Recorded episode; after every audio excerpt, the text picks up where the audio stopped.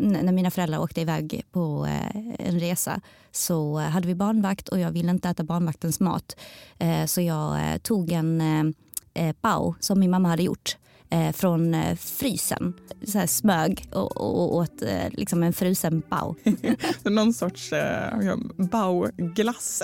ja, ja, exakt. En bao-glass. Liksom.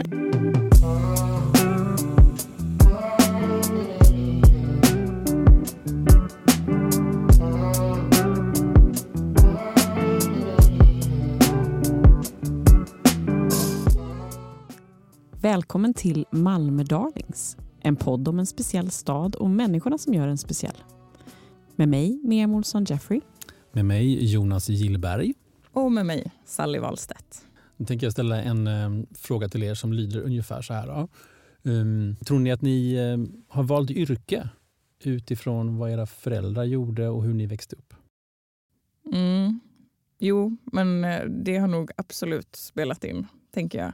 Det är ingen av mina föräldrar som är journalister men jag har också, däremot så har jag tydliga barndomsminnen från när jag rymde från dagis när jag var kanske fyra, fem år. Och eh, jag och min dagisbästis Bella eh, klättrade över staketet och gick med bestämda steg mot biblioteket där min pappa jobbade. Och där var ju då tanken att vi skulle spendera resten av dagen med att uh, ligga i soffan och läsa Bamse-tidningar tills uh, dagen var slut och vi fick åka hem och leka. Och nu sitter du och gör tidningar istället? Exakt. Mm, fattar.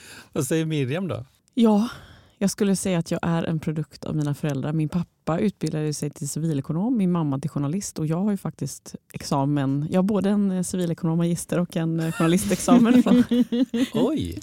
från Journalisthögskolan. Så ja, det var ju min mammas dröm att bli journalist. Och hon tog examen, jobbade lite grann men lämnade ganska snabbt. Så ibland har jag funderat på om journalistdrömmen är hennes och jag har tagit över den eller om den är min.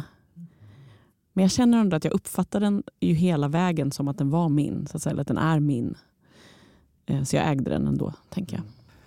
Ja, för jag upplever inte att jag är kanske samma produkt av mina föräldrar på samma sätt. För min pappa var ju eh, bonde, slash lantbrukare, slash allt sånt. Skogsbrukare. Och min mamma var någon sorts hushållslärare. Så när jag började göra tidningar som typ 10-11-åring så var, fanns det liksom inte riktigt någon koppling bakåt i tiden i sånt.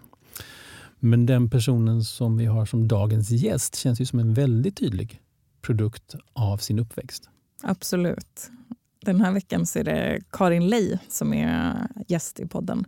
Och idag är hon kokboksförfattare, hon är matprofil, eh, har populära konton på Instagram och driver en blogg.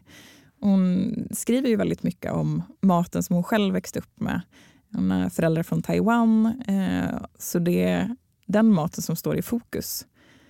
Och eh, hon är vad hon själv kallar då ett restaurangbarn. Hennes eh, föräldrar kom till Sverige och eh, hennes pappa började jobba på eh, en kinesisk restaurang i Stockholm.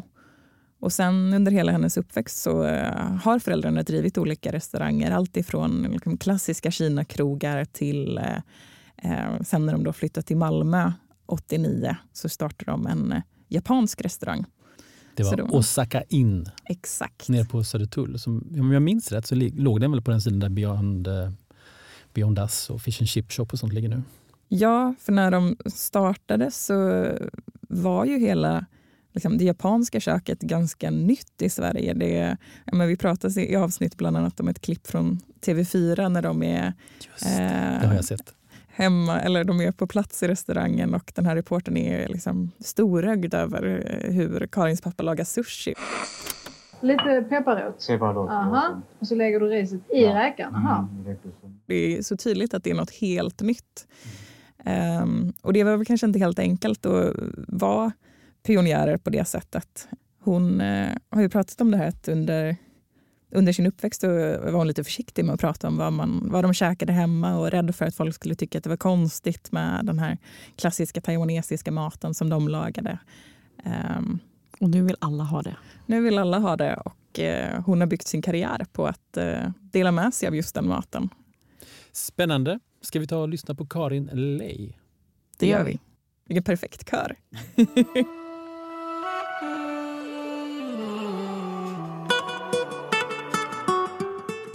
Välkommen till Malmö Darlings, Karin Ley. Tack så mycket. Jag tänkte ju att eh, som den eh, matprofil du är så eh, ska du få tre korta, snabba frågor eh, på temat mat för att, för att lyssnarna ska få lära känna dig lite bättre. Ja, Är du redo? jag är redo. Vilken maträtt har du lagat absolut flest gånger? På senaste tiden är det eh, kyckling med scallion oil och ingefära. Mm. Det låter väldigt gott. Det uppskattas av hela familjen så det är därför sån eh, lätt rätt att bara köra, köra på. Vilka produkter har du alltid i ditt kök? Eh, då är det mm, kinesisk rostad sesamolja, eh, svart risvinäger och eh, soja. Med mera. det är inte det enda som står i ditt skafferi. Mm, Nej, det är en rätt stor samling nu. Mm. Och vad är ditt första starka matminne? Har du något sånt? Ja, eh, ett minne som jag kan minnas själv. Vissa minnen är så som man har fått återberättat eh, till sig. Att jag liksom fick... Eh, eh, att när jag hade barnvakt Eh, så ehm, när mina föräldrar åkte iväg på eh, en resa så hade vi barnvakt och jag ville inte äta barnvaktens mat. Eh, så jag tog en eh, pao som min mamma hade gjort från frysen och gnagade på den så här direkt. Så här smög och, åt liksom en frusen pao istället för liksom, lagad mat. Någon sorts eh, bauglass? Ja, ja exakt, en paoglass. Liksom. Eh, men, eh, men det som jag själv kan minnas är väl mycket eh, att vi, eh, familjen gör eh, dumplings tillsammans. Att mamma samlar oss och vi får hjälpa till eh, med dumplingsar. Mm, men för jag har ju följt dig på Instagram och läst din blogg i flera år. Och där är ju mycket av det som har fångat mig är ju just hur fint du har beskrivit just vilken betydelse mat har i din familj. Och, eh, ja, men du är ju uppväxt på restauranger till stor del. Kan, Ja. du, kan du inte berätta lite? Vad, hur kommer det sig? Eh, Ja, precis. Mina föräldrar kom ju eh, till Sverige mm, slutet av 70-talet. Eh, Pappa kom ju som, eh, för att jobba på kinesisk eh, restaurang som kock. Ehm, och, eh, så de första tio åren ehm, eh, de bodde i Sverige så eh, hade, eh, dels så jobbade de ju på restauranger och sen så öppnade de egna så vi flyttade runt rätt mycket eh, när jag var liten eh, fram tills eh, 89. Eh, då eh, öppnade pappa en eh, japansk restaurang i Malmö vid Södertull. Och, för att han är egentligen japansk skolad kock från Taiwan.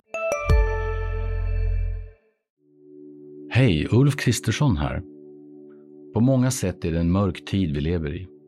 Men nu tar vi ett stort steg för att göra Sverige till en tryggare och säkrare plats. Sverige är nu medlem i Nato. En för alla, alla för en. Vi är specialister på det vi gör, precis som du. Därför försäkrar vi på Swedea bara småföretag, som ditt. För oss är små företag alltid större än stora och vår företagsförsäkring anpassar sig helt efter firmans förutsättningar. Gå in på swedea.se företag och jämför själv.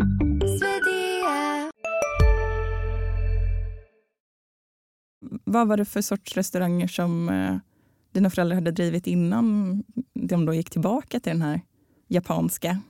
Eh, ja, innan dess var det ju väldigt här, den traditionella kinesiska krogen eh, som, eh, som eh, eh, eh, nästan blivit svensk, en del av svensk husmanskost också. Liksom. Med tres små rätter och biff med bambu och eh, friterade vårrullar och räkor och sådär. Eh, så att, eh, men min pappa kände att ja, men han vill jättegärna tillbaka till det japanska eh, så han öppnade restaurangen här i Malmö som heter Osaka Inn. Mm, och den drev de under ja, över ett decennium i Ja, Malmö. ja från 89 till början av 2000-talet eh, hade vi restaurangen. Eh, så, så bytte vi namn lite Eh, efter ett tag till eh, Gourmet faktiskt. För att eh, mm, det var inte riktigt sushi och japansk mat eh, överlag var ju inte riktigt så etablerat, eller var inte etablerat i Sverige. Så att varje... Det, det, jag, jag kommer ihåg att när jag serverade sushi nästan varje gång fick man ju ha en genomgång med eh, wasabin, hur man doppar fisken eller sushi-biten och vad sushi är. Eh, eller hur man, hur man håller i pinnar. Så att eh, väldigt många ja, det var väldigt mycket eh, så här, utbildande och info eh, eh mm, till eh, gästerna faktiskt där i början. Mm. Mm, jag vet att jag när jag satt och liksom scrollade tillbaka i dina arkiv inför den här intervjun att jag hittade något gammalt TV4-klipp, tror jag det var, eh, när de gör något inslag 92 på restaurangen och din pappa ska visa hur man lagar sushi. Och, ja, men det är så tydligt att eh, liksom, både den här reporten och kanske då många som tittar också har ingen relation till sushi överhuvudtaget. Utan är så, oj, jaha, nu lägger du på en räka. Och... Lite pepparrot. Pepparrot. Aha. Sätter på räkan. Ja. räkan. Och så lägger du riset i ja. räkan. Aha. Mm, så. Ja, då sitter vi alltså i det här tatami-rummet, det här vackra japanska rummet och Li har kommit in med den här underbara båten. Tack så jättemycket Li. Varsågod. Tack. Och då ska jag sätta tänderna i det här. Det känns ju väldigt långt bort nu. Men... Precis. Ja, nu är det vi... Eh, eh när, när vi, vi, det var ju väldigt mycket så här, oh, råfisk, det, det vill vi inte ha. Um, och eh, sen så var de eh, japanska, de andra rätterna som vi hade eh, som eh, ja, folk är mer vana vid nu med teriyaki och, eh, och, och don och så. Eh, det var ju inte lika vanligt så att det blev ju att vi fick eh, pappa fick lägga till kinesisk mat i menyn. Så därför tänkte han att han bytte namn till gourmet istället så att det inte skulle vara bara ja, så här, kopplat till Japan och Osaka in. Mm. Hur har det format dig då att växa upp på den här restaurangen under så många år? Eh, ja, det, det, det, har format mig rätt mycket. Eh, ja, dels, det, det, är ingenting som jag tänkte på eh, när jag växte upp.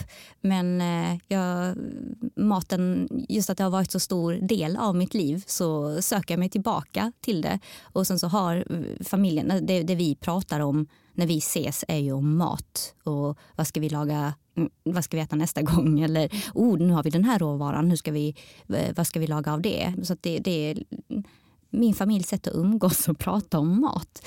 Och sen så ju äldre jag, har, eh, jag, jag blir, eh, desto mer tänker jag tillbaka och eh, eh, funderar också på eh, vårt familjens ursprung, mitt ursprung, min koppling eh, till eh, maten och till den taiwanesiska kulturen. Så, och eh, just att jag har det här matintresset så blev det att jag eh, gärna ville jobba mer med maten på olika sätt. Mm. Hur skulle du säga om man blickar då tillbaka till lilla Karin som sprang runt på restaurangen eh, som barn. Hur, hur såg en dag ut? Vad, vad var det som hände där? Eh, ja, oftast var det ju på eh, när, när jag var eh, när, jag inte hade, när jag inte började hjälpa till än eh, så kunde dagen se ut att eh, vi åkte med ut på morgonen på helgerna och då brukade det först vara ett stopp på Möllan. Handla lite grönsaker och grejer till restaurangen. Och sen eh, så var det en hel dag på restaurangen. Ungefär från tio tiden till eh, ibland elva. Eh, sen så när vi hade karaokekvällar kunde vi komma hem vid tre, fyra på natten. Ehm, och, och, då var det ju att vi eh, man hjälpte ändå till lite. Jag, jag, jag, kan inte riktigt säga när jag man började hjälpa till, eller tro att man hjälper till. eh, men att eh, så här, mm, gå och hämta det här eller gå, eh, ställ undan den rena disken eller gå och hämta någon back eller, så här, gå och hämta några flaskor. Och sen så var det ju mycket faktiskt att vi sprang runt mellan de andra kinesiska restaurangerna. Eh, så på, vi, vi låg vid Södertull så att jag sprang till Mandarin House där jag hade kompisar och jag sprang till eh, Chinatown och ibland gick vi till eh, King Long. Så det, det, det, var ett stråk med restauranger som vi liksom gick till. Min Bullerby. Ja men verkligen, det låter verkligen som restaurang Bullerbyarna. Precis, det var lite så. Så, så åt man ju, ibland var så här, men då eh, vi, vi, vi äter, i, mm, är det liksom vid lunchtid man leker vid någon restaurang så fixar någons förälder så här, eh, maten åt en och sen så går man dit kan man få fika. Så vi sprang, vi sprang runt rätt mycket eh, runt eh, bland restaurangerna. Mm. I, idag så är du ju kokboksförfattare och du har eh, massa följare på sociala medier som eh, vill läsa dina recept och jobba med mat.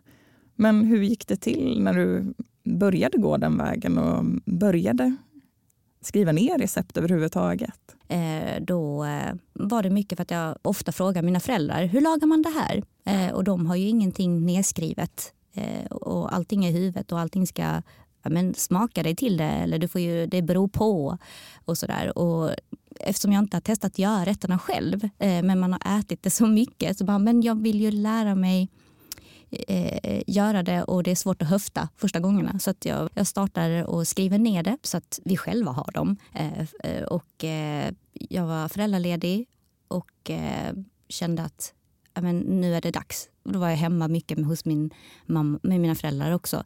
Så bara, men det är dags nu att verkligen få ner det och skriva ner det. Och eh, lite på det spåret. Och sen så vill jag göra mer och mer av det och det tar mer och mer tid. Eh, och eh, jag, vill, jag vill berätta mer och mer.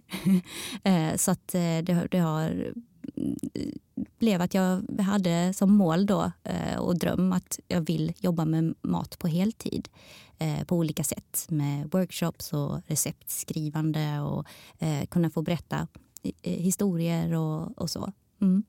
Och det gör du idag. Men då kan man säga att det började nästan som liksom, ett projekt för er i familjen att liksom bevara de här recepten och eh, allt det som funnits i familjen sedan tidigare. Och sen visade det sig att folk tyckte också att det var väldigt kul att få följa med på det där. Ja, ja mycket det. Alltså, jag, jag, är ju, eh, jag jobbar ju som kommunikatör innan. Så att, att eh, få berätta och, och visa det med, med, text och bild och eh, visuellt, liksom det, det, är ändå någonting som jag tycker Eh, ja, någonting som jag eh, jobbar med eh, innan. Så det är kul att kombinera detta med eh, mitt eh, matintresse också. Men du har ju också släppt en kokbok som nu kom ut för ett drygt år sedan. Ja, precis. Kan du inte berätta lite hur den idén växte fram till Dumplings och Dim Sum som ju boken heter? Faktiskt så det började med att Eh, när jag började med bloggen och så här, så ganska snabbt liksom fick jag ner, skrev ner målet att så här, jag skulle vilja göra en kokbok. För att det, när jag kollade så var det rätt länge sedan en eh, kinesisk person Eh, fick skriva, eh, hade skrivit en kokbok om kinesisk mat eh, så att, i Sverige. Så att jag kände så här, men det är väl dags nu att jag får lyfta vår mat Eh, och, och, berätta om den eh, och, och, få med eh, våra historier som svensk-taiwaneser. Boken handlar ju om eh, dim sum eh, och dumplings är ju, eh, kan, kan vara en, en typ av dim sum som finns. Eh, och det, eh, dim sum är ju egentligen smårätter som brukar förknippas med det kantonesiska köket men nu finns det ju väldigt Eh, de, det har ju spritt sig så att det äts ju eh, i Taiwan och ja, det, inom det kinesiska köket. Och eh, allting från, eh, det finns ju allting från eh, de här små baos till eh, fluffiga baos till eh, eh dumplings och sötsaker. Och det finns jättemycket. Så, och många av rätterna i boken är ju Eh, någonting som jag, eh, det är favoriter eh, som jag haft som eh, jag har vuxit upp med, eh, ätit eh, både hemma och eh, när jag i, mm, har varit liksom och ätit dimsam på restauranger.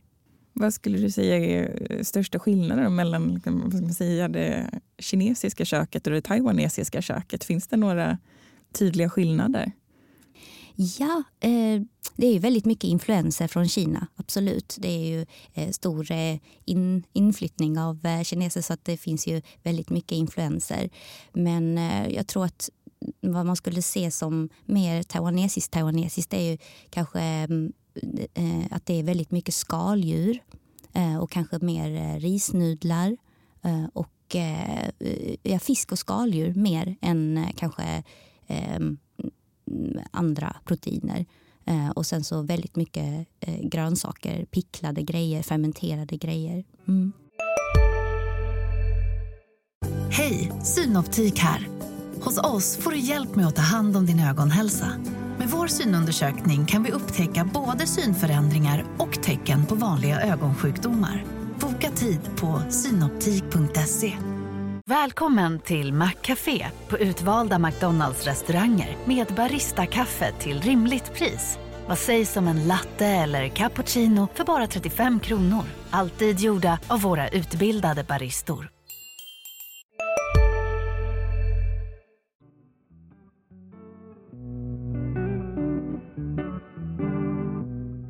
Nu har det ju gått eh, ja, men som sagt, ett drygt år sedan boksläppet. Har det påverkats på något sätt av, eh, av att ha, nu vara kokboksförfattare? Jag vet inte riktigt. Eh, det, det, det är klart ett jättestort eh, så delmål för mig och jag är jätteglad att jag har fått göra detta. Och det har ju absolut öppnat upp till fler, lite mer intresse för det jag gör och förhoppningsvis kanske lite fler samarbeten. Jobbar du på något nytt projekt nu eller vad gör du vad gör du just nu? Eh, nu är det ju, jag har ju fått eh, till exempel hålla i workshops. Eh, både berätta om eh, dumplings eller om eh, eh, kinesiska och taiwanesiska smaksättare. och att jag får göra lite så takeovers eller menyer på restauranger. så att jag kan laga min meny och servera gäster mm, som pop-up. Jag tänker både på det här klippet som vi pratade om innan från TV4 när din pappa visar hur man gör sushi. Men också något eh, äldre blogginlägg som jag hittade på din gamla blogg. Eh, där du skrev om att ja, när du var liten så under en period så ville du gärna inte prata om maten ni åt hemma för att, av rädsla av att folk skulle tycka det var konstigt till exempel. Och nu egentligen ditt yrkesliv byggt på att dela med dig av just den maten som ni åt mm. hemma när du var liten. Är det någon sorts revansch på, på det där? Det kan man nog säga faktiskt. Och, ehm, eh, just att jag tror att när, vi var, när, när jag var liten så hade inte vi riktigt de verktygen till att eh, försvara oss eh, när, när, man fick något sånt. Eh, eh att eh, ja, och ni äter hund eller ni äter eh, eller eh, alla saker som man kan få höra. Ehm, eh, och man vet, visste inte riktigt hur man... Man hade inte riktigt verktyg för att hantera det. Men eh, ju äldre jag blir eh, och desto mer jag eh, lär mig om eh, den taiwanesiska kulturen och, och eh, så, så, känner jag mig mer stolt och mer trygg i att berätta det. Plus att det känns som jag kan ge mina barn eh, verktyg också. Eh, att eh, hantera det eller att förstå det. Är det någon skillnad idag eller vad får du för reaktioner nu när du delar med dig av de här recepten och den här maten? Eh, det, jag tänker, de flesta som, som eh, följer och är intresserade är ju genuint intresserade. Sen så finns det ju eh, då och då kan det ju ändå komma, mycket mindre nu, men att man får en grön, så här, grön illamående emoji om man lägger upp någon maträtt som folk inte är vana vid. Och, jag försöker ju ibland försöker jag berätta om ingredienser och, och, vad det är och, och, visa och försöka beskriva smaken. Men det är så svårt för att vissa saker är verkligen, men det smakar ju som det för att jag har vuxit upp med det så jag kan inte riktigt eh, bara, men vad, vad smakar det som kan jag få fråga som. Men, men, men det smakar ju till exempel century egg. Ja. Men det smakar ju century egg. Det är så svårt och jag kan inte hitta eh, någonting som den är lik eh, inom den, eh, Det är det, det, det, som kanske menar, de flesta känner till. Eh, så, att, eh, så det är en utmaning, men det är roligt också. Och hoppas att man, jag hoppas att jag kan väcka nyfikenhet till, eller förståelse. Så, så behöver man ju inte gilla det eh, bara för att jag skriver om det. Men att man kanske inte så att man ändå vet vad det är man ser och inte reagerar på det sättet. Och att, att bara förstå att det för någon annan är det värdefullt eller gott. Så att, ja. Stort tack Karin för att du velat gästa Malmö Darlings. Det har varit jättekul att ha dig här. Ja, tack så mycket Sally. Det var jättekul att prata med dig. Du har lyssnat på Malmö Darlings med Karin Ley här är en podd från Sydsvenskan som produceras av Sally Wahlstedt och klipps av Gustav Wirtén. Ansvarig utgivare är Jonas Kanje. Håll utkik efter nya avsnitt där du lyssnar på poddar. Stort tack för idag. Hej då!